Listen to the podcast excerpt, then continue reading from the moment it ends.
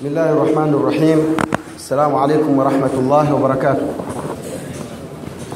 الحمد لله رب العالمين والصلاة والسلام على أشرف الأنبياء والمرسلين سيدنا ونبينا محمد وعلى آله وأصحابه أجمعين. أما بعد watukufu wa Islam baada ya kumshukuru Allah subhanahu wa ta'ala na kumtakia wetu Muhammadin sallallahu alayhi wasallam tunamshukuru Allah subhanahu wa ta'ala kwa kutujalia kuweza kutekeleza ibada hii kwa jamaa lakini pia tunamshukuru Allah subhanahu wa ta'ala kwa kutufikisha katika masiku haya masiku bora masiku matukufu.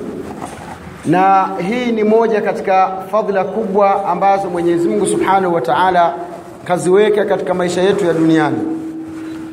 Kuweka watu wakawa na maumbile tofauti watu wengine wakawa wana cheo tofauti na masiku mengine yakawa ni bora kulikoni masiku mengine na mitume wakawa ni bora kulikoni mitume wengine. Hiyo ndiyo sunna ya Mwenyezi Mungu Subhanahu wa Ta'ala katika ulimwengu.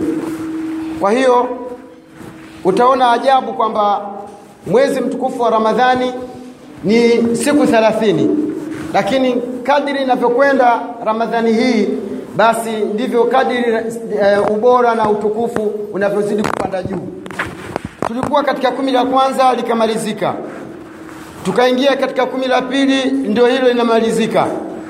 Tukiwa katika kumi la tatu ambalo ni kumi adimu sana ndugu zangu katika imani ni utukufu ulioje katika kumi hili linalomalizika kumi la mwisho ambalo ndani ya kumi hili ndio ambayo Mwenyezi Mungu Subhanahu wa Ta'ala ameiteremsha Qur'ani Mungu anasema inna anzalnahu fi lailati qadr. Hakika sisi tumeiteremsha Qur'ani katika usiku wa cheo. Kwa hiyo ndugu zangu katika imani Mwenyezi Mungu katufikisha katika hii Lailatul Qadr katika hizi siku kumi za kuitafuta Lailatul Qadr ikawa hakuna budi kitu cha kwanza kabisa ni wakumbushe waislamu kwamba ndiyo masiku haya yameshafika. Kwa hiyo kama ulikuwa haujafanya maandalizi ya kuitafuta Lailatul Qadr basi ukae ukijua kwamba Ramadhani ni siku chache. Mwenyezi Mungu katoa ahadi akasema ayyama ma'dudat. Yani ni siku ambazo ni za kuhesabika. Ni siku chache sana ndugu zangu. Kwa hiyo kwa kuwa ni siku chache ni lazima kwetu sisi tujitahidi kuyatumia masiku haya. Sasa kumi hili ndugu zangu atakayenyimwa ibada katika kumi hili basi kanyimwa kheri kubwa sana waislamu. Kwa hiyo tujitahidi kuitafuta lailatul qadr. Usiku ambao ni usiku mmoja tu. Mwenye kuupata usiku huu ni sawa na mtu ambaye aliyekuja duniani akaishi miaka 83 katika ibada na hajawahi kumwasi Mwenyezi Mungu hata siku moja masiku yana, yana ujira mkubwa yana malipo makubwa.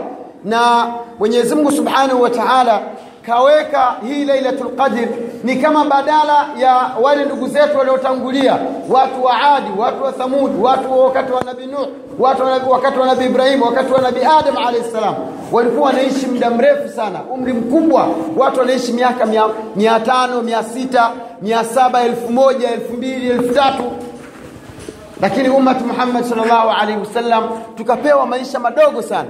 Tukapewa umri mfupi miaka sabini miaka sitini miaka sitini na tatu miaka hamsini. Baada ya kupewa masiku hayo Mwenyezi Mungu Subhanahu wa Ta'ala kwa kuupenda ummati Muhammad sallallahu alaihi wasallam akatuletea Lailatul Qadr. Kwamba ikiwa Mwenyezi Mungu amekupa umri wa kuishi miaka 63 au miaka sabini au miaka 80 katika vita na jihadi ya sheitani Mwenyezi Mungu akatuletea siku moja ambayo ukiipata siku hiyo ni sawa na mtu aliyefanya ibada kwa muda wa miaka 83 anamwabudu Mwenyezi Mungu Subhanahu wa Ta'ala. Ni kama vile badala kwamba wale niliwapa kweli muda mrefu, maisha ya muda mrefu, hali ya kuwa wakiwa katika vita na jihadi ya sheitani, lakini nyewe ummati muhammadi sallallahu alaihi wasalama ninawapa zawadi ya kuishi miaka 83 katika ibada. Ndugu zangu, mwenye akili hawezi kupoteza masiku haya. Mtu ambaye ana shida na pepo anaitaka pepo ya Allah subhanahu wa ta'ala, masiku haya hawezi kuyapoteza. Sasa kwa sababu kesho ni Ijumaa na Mwenyezi Mungu akituweka hai misikiti mingi sana itazungumzia Lailatul Qadr. Mimi nitoe changamoto tu kuwakumbusha ya kwamba atakayenyimwa Lailatul Qadr basi ni katika watu wenye hasara kubwa katika dunia hii. Mungu katufikisha sio kwa hiari yetu sisi kwa mapenzi yake Mwenyezi Mungu na kwa kukupendelea wewe kwamba ufike katika mwezi wa Ramadhani na ufikishwe katika kumi la mwisho. Kuna watu ndani ya kumi la kwanza tu wameshaondoka tumezika wangapi ndugu zangu katika kumi la kwanza?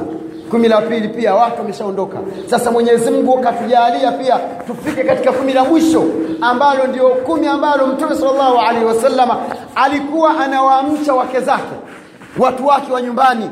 Jamani muda wa kulala tena basi.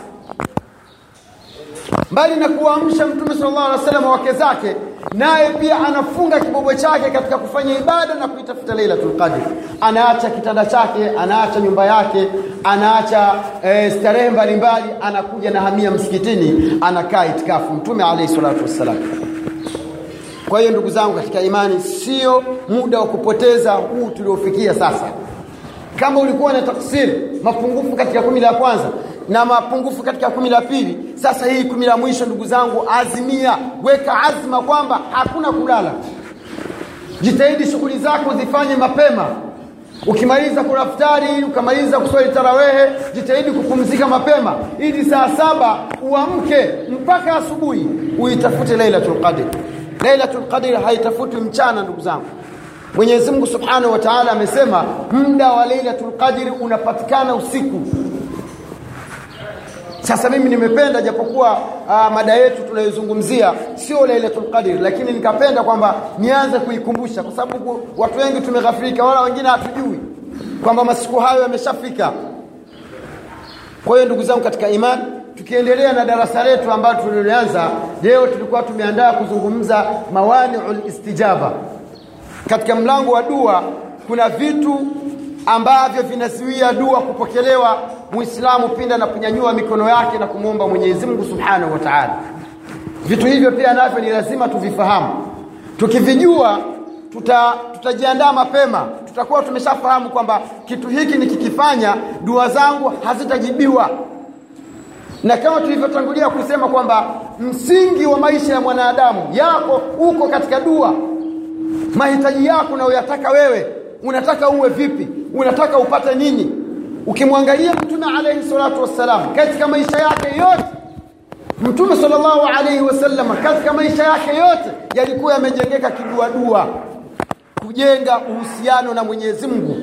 Kumwomba Mwenyezi Mungu Subhanahu wa Ta'ala. Na Mwenyezi Mungu anampenda sana mja mwenye dua ambaye ana tabia ya kumwomba Mwenyezi Mungu Subhanahu wa Ta'ala. Mtume sallallahu alayhi wasallam Mwenyezi Mungu anasema katika hadithul Qudus enyi wanadamu laiti mngekuwa mnaniasi mimi halafu hamniombi msamaha basi ningewaondosha nyie wote nikawaleta watu wengine ambao wakinikosea basi wananiomba msamaha. Angalia Mwenyezi Mungu Subhanahu wa Ta'ala. Katika hadithi nyingine Mtume sallallahu alaihi wasallam anasema hakika Mwenyezi Mungu Mtume saa salam anasema hakika Mwenyezi Mungu anaona aibu, anaona haya mja wake akunyanyua mikono alafu akairudisha akaishusha mikono yake ikiwa, ikiwa ni sifuri, kwamba mja huyu hajapata kitu. Ukisoma jinsi dua zinavyopokelewa kwamba hakuna mtu anayenyanyua mikono akaenda patupu.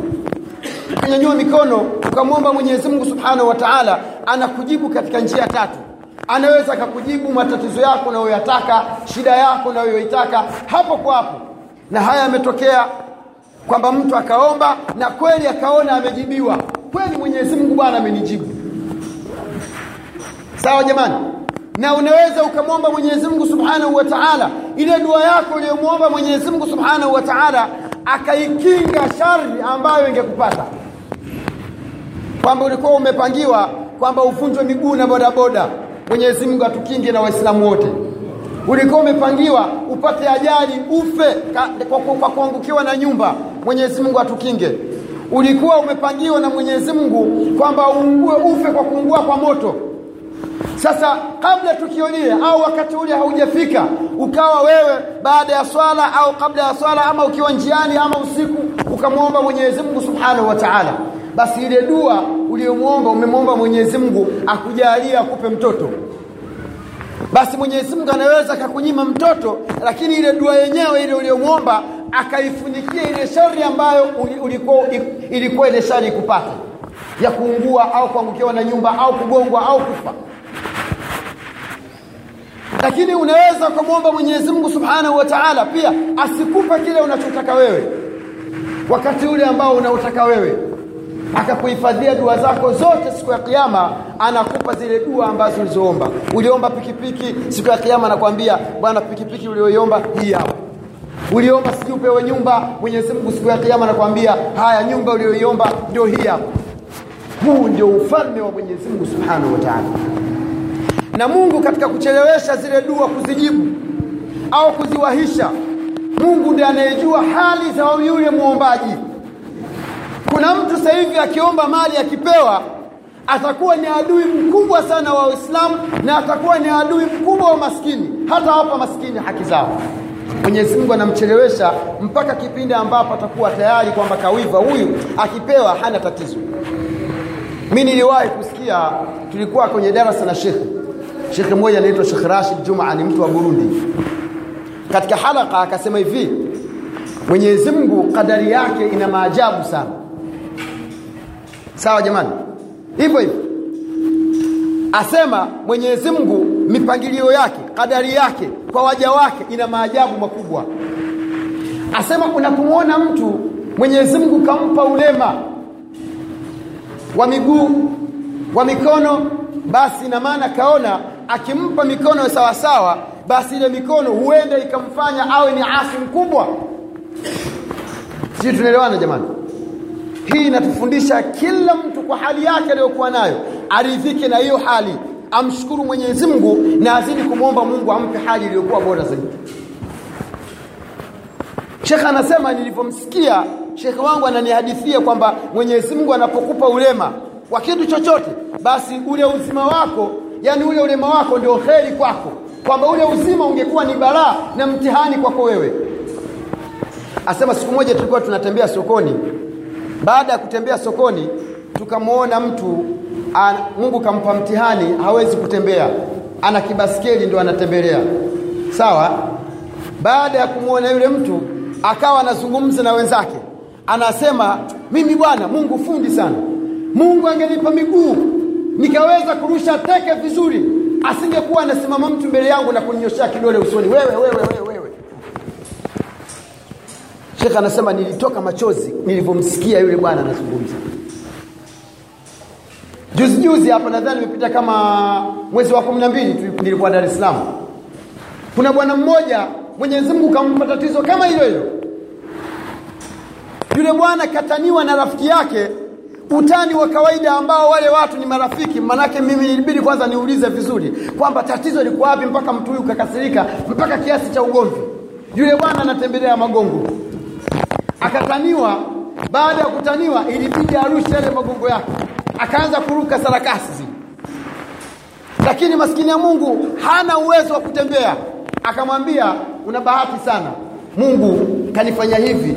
Kwa Mungu anajua mwenyewe alichonifanya. Lakini kama leo hii ningekuwa mzima hapa pasingetosha ilikuwa kale yako kwa hiyo Allah subhanahu wa ta'ala anapokunyima dua yako sio kwamba kakunyima kwamba hana uwezo wa kukujibu bali anaangalia hali uliyokuwa nayo wewe kwamba akikupa utaweza kushukuru neema ya Mwenyezi Mungu na akikunyima inaweza ikawa ni sababu ya wewe kuingia peponi. Kwa hiyo dua ndugu zangu Mwenyezi Mungu hawezi kumrudisha mtu ambaye kaomba. Hawezi kumrudisha. Anampa yale ambayo aliyomwomba lakini kumpa kwake kuko katika njia tatu anaweza kakupa hapo kwa hapo anaweza kakucheleweshea akakuzibia shari ambayo ingekupata au akakuwekea siku ya kiyama la sarair siku ya mtihani siku ya balaa siku ngumu. Mwenyezi Mungu anasema dhalika yaumun asir.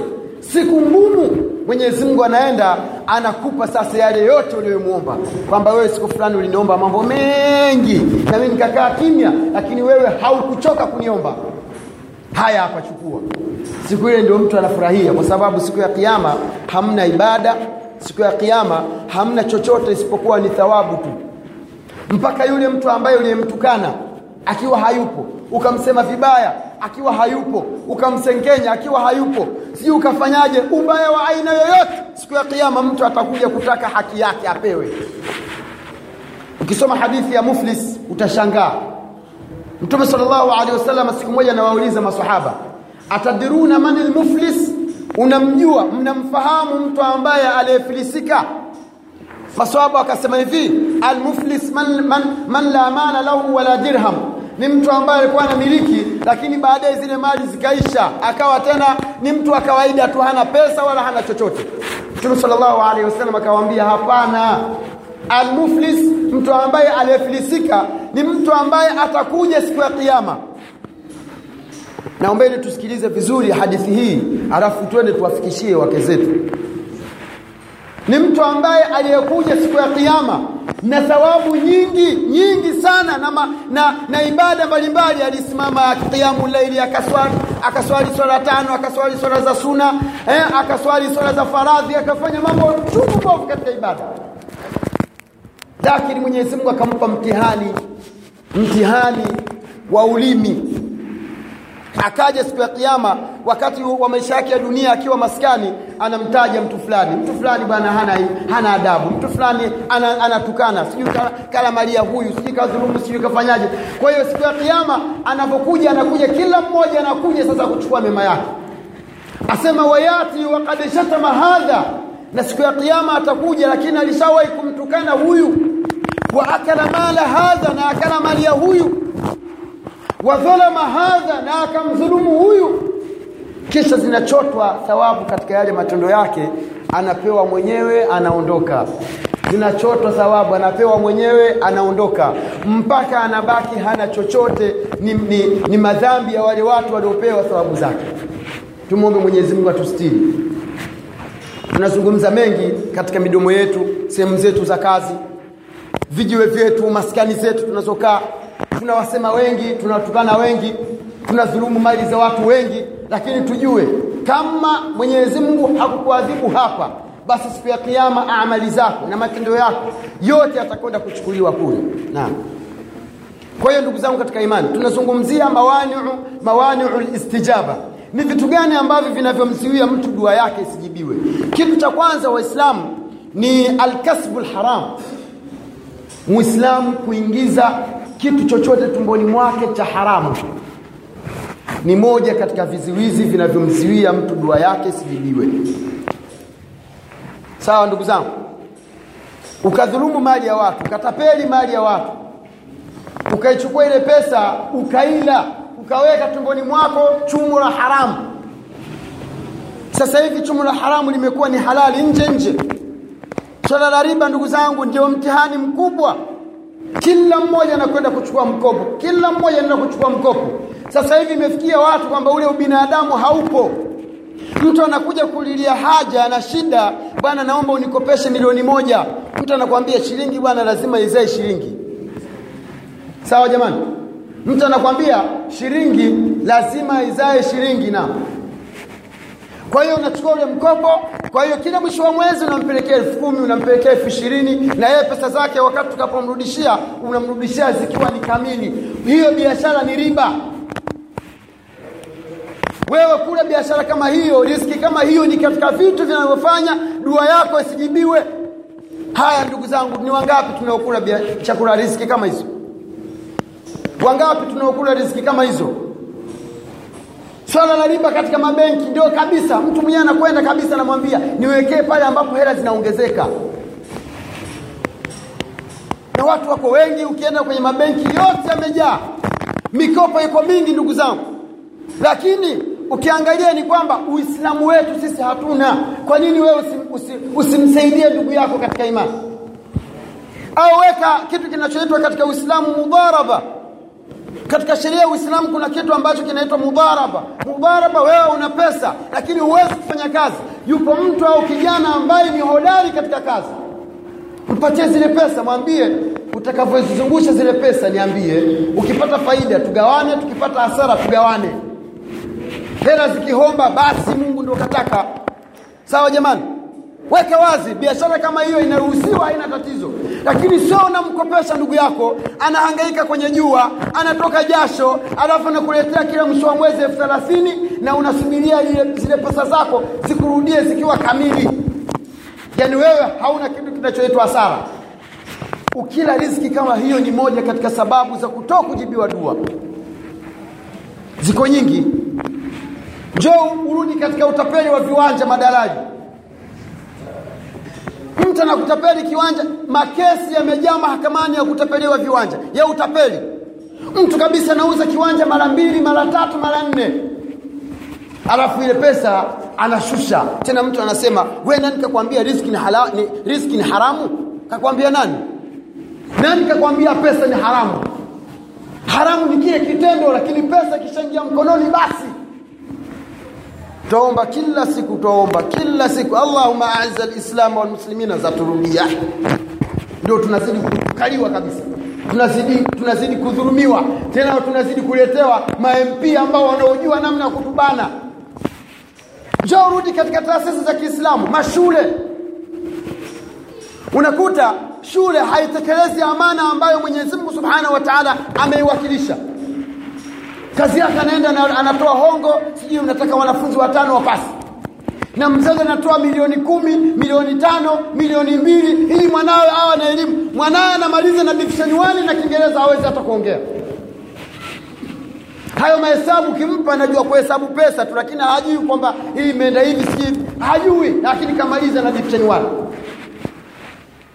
ukila pesa kama hizo umekula dhulma njoo urudi katika majumba yetu sasa. Dhulma zinazofanyika.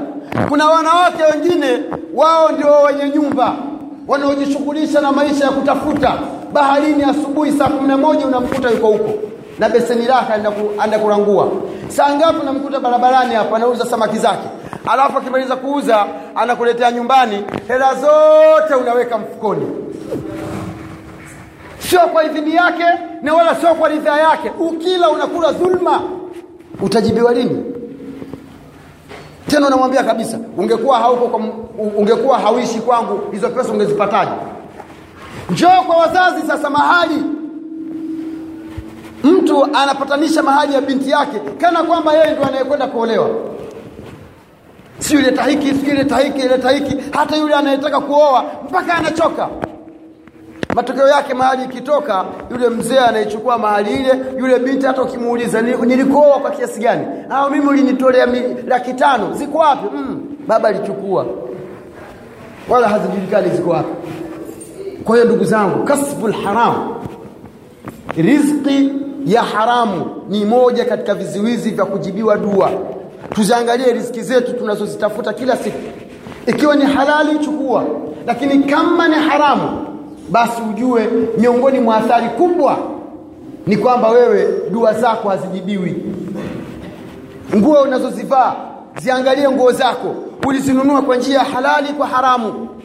Kama ni kwa njia ya halali basi hamna tatizo. Na kama ni kwa njia ya haramu basi angalie kwamba ni dosari ni tatizo la kutoka kujibiwa dua. Lakini tatizo lingine ndugu zangu katika imani la kutoka kujibiwa dua ni qillatul ihtiramu billah ni uchache wa kumheshimu Mwenyezi Mungu Subhanahu wa Ta'ala. Araftumullaha falam tuaddu haqqahu. Mwenyezi Mungu mlimfahamu kwamba nani Mungu? Hapa tulipo ndugu zangu hakuna sehemu Mungu nani. Uwezo aliokuwa nao cheo alichokuwa nacho eh? haya huruma aliyokuwa nayo haya riziki anazozitoa kila kitu hakuna simjua Mwenyezi Mungu Subhanahu wa Ta'ala. Alafu Mwenyezi Mungu anaonekana ni kama vile kitu cha kawaida tu. Mwenyezi Mungu tena haheshimiwi katika maisha yetu. Mtu anafanya maasi ya kawaida kawaida. Nyumbani kwake kuna Mwenyezi Mungu anaasiwa kawaida. Yeye anaona ile dhambi live na wala haikatazi na wala hasemi tatizo hilo linaweza likawa ni chanzo cha kutoa kujibiwa dua zetu. Kwa nini? Anatakiwa Mwenyezi Mungu atukuzwe katika nafsi atukuzwe katika majumba yetu atukuzwe katika kila aina ya jambo. Mungu atukuzwe. Lakini Mwenyezi Mungu anapokuwa mtu kufanya shirki sasa hivi imekuwa ni simple kabisa rahisi. Mtu anaumwa homa hajaenda kupima anaenda kwanza kwa mganga kwenda kupigiwa tunguli huku ni kukosa heshima na adabu kwa Mwenyezi Mungu Subhanahu wa Ta'ala. Kuna wengine wanakufa na ukimwi wallahi. Mtu anakufa na ukimwi. Yaani mtu ugonjwa na umwa anaumwa ukimwi. Lakini kapoteza hela kwa waganga akachinja mbuzi akachinja ng'ombe. Kuku ndio usiseme na njiwa hazina hesabu. Eti karogwa. Badala angeenda kupimwa mapema angekutwa na ugonjwa wa ukimwi mi kuna mtu namfahamu hivi ameshafariki mwenyezi mungu amrehemu. Kaambukizwa ukimwi na mke wake. Kwa sababu navyozungumza hivyo sio ni amana lakini kwamba ni mke wake kwa sababu yule, yule mke baada ya kujua yule bwana naye kaukwaa basi akaamua akusanye kila kitu usiku mke akakimbia. Kwa hiyo watu wakasema kwamba kaambukizwa ngoma na mke wake. Yule mtu katibiwa kwa waganga anapigiwa ngoma yote na mashetani ngoma inapigwa sijui mbuzi wanachinjwa kuku wanachinjwa kumbe mtu ana ukimwi. Aenda kumshirikisha mwenyezi mungu badala ya kurudi kwa allah subhanahu wa taala akatubia dhambi zake.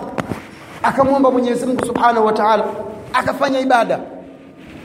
Huku kote ndugu zangu ni kudhalilishwa kwa mwenyezi mungu subhanahu wa taala. Juzi nilikuwa naangalia kwenye tv wanaonyesha migodi. Migodi ya dhahabu hii nayo ni balaa yaani mtu na mgodi wake kafunga pale njiwa mweupe kuku mweupe mbuzi mweupe. Ili ili ili atoe kafara asema. Atoe kafara ule mgodi uteme. Mgodi utoe dhahabu. Haya ni madogo ambayo sisi tunayadhania lakini wanaolala makaburini ni wengine. Vitendo kama hivi vinafanya dua yako usijibiwe. Jambo lingine katika vitu vinavyozuia dua kujibiwa adamu taati rasul ni kutoa kutiiwa mtume sallallahu alaihi wasallam katika amri zake katika makatazo yake katika mambo ambayo katuamrisha tuyafuate katika maisha yake kutoa kufuata na kuishi kama alivyoishi alaihi salatu wassalam. Mungu anasema laqad kana lakum fi rasulillahi uswatun hasana. Hakika mtume sallallahu alaihi wasallam kaja kwenu ninyi ni kiigizo chema ikiwa unataka maisha bora ni lazima uishi kama alivyoishi mtume sallallahu alaihi wasallam. Lakini wapi wapi mtume yuko wapi? Mtume yuko magharibi na sisi tuko mashariki. Ndugu zangu katika imani katika mawatinu katika mawani'u listijaba, katika vitu ambavyo pia vinaziwia dua kujibiwa ni kuwa kila siku twazika. Kila siku tunazika maiti si ndio kafa baba mdogo kafa mjomba kafa shangazi kafa mwanangu kafa mke wangu kafa baba kafa mama. Na bado hatujajua kama kuna kufa. Tupo tu. Akifa leo na kesho ikipigwa arobaini yake sijui ya kuchanika sanda au ya kutoboka tumbo au ya kupasuka kichwa biashara imeisha. Japo kwa hiyo arobaini yenyewe yaweza kuwa ni arobaini lakini ya miezi ya mwaka wajua anadaiwa arobaini vitu vyote vya kipuuzi. Arobaini maana yake yani ule msiba unafuta unaufuta katika fikira za watu wasijue kwamba kuna msiba. Mi nathubutu kusema hivyo kwa sababu ni experience. Kuna sehemu alifiwa mtu mwenye nyumba. Sawa? Mwenye nyumba alifiwa alikufa huyo mtu. Wale watoto wake baada kama ya wiki moja hivi wakatengeneza kutinda msiba wenyewe wanaita. Kutandua yale matanga. Likapigwa likapigwa pilau la sawa sawa pale. Watu wakajimwaga na mpunga wakajimwaga wakajimwaga na mpunga. Watu wakatoka wameshiba wakaondoka. Baada ya nini? Ikaja hiyo arobaini sasa. Hiyo ndio ilikuwa si mchezo yalitandikwa majamvi kutoka huku na, na, na maturubali mpaka huko watu wakawa hakuna kinachowashughulisha isipokuwa ni chakula. Watu wanauliza jamani da kaoa nani? Kumbe kafa mwenyewe. mawaidha ya msiba yako wapi? Kwa hiyo ni vitu ambavyo vinakuja kufuta zile kumbukumbu za msiba katika nafsi katika vichwa vya watu. Mambo gani haya jamani? Unakuta mtu anafiliwa mpaka msiba kuja kuisha mpaka arobaini kuisha. Ana madeni dukani karibu ya laki mbili laki tatu laki nne laki tano. Kwa hiyo msiba karaha msiba mtihani msiba ni furaha msiba ni nini? Kwa hiyo tunazika maiti wetu lakini hatuzingatii wala hatuwaidhiki na tunabaki tukiwa vile vile bila, kupa, bila kuwa na mabadiliko yoyote. Ni haya tu ndugu zangu ambayo nilipenda kuwakumbusha. Kwanza nimekumbusha ujio wa Lailatul Qadr lakini pia nimekumbusha vitu ambavyo vinazuia dua zetu kuto kujibiwa kwa hiyo bila shaka tumefahamu mawili matatu ambayo Mwenyezi Mungu akatuwezesha kuyafahamu. Tumwombe Allah Subhanahu wa Ta'ala haya ayathibitishe katika nafsi zetu. Tumwombe Allah Subhanahu wa Ta'ala iwe kikao hiki ni kafara ya madhambi yetu na ni sababu ya kukubaliwa somu zetu.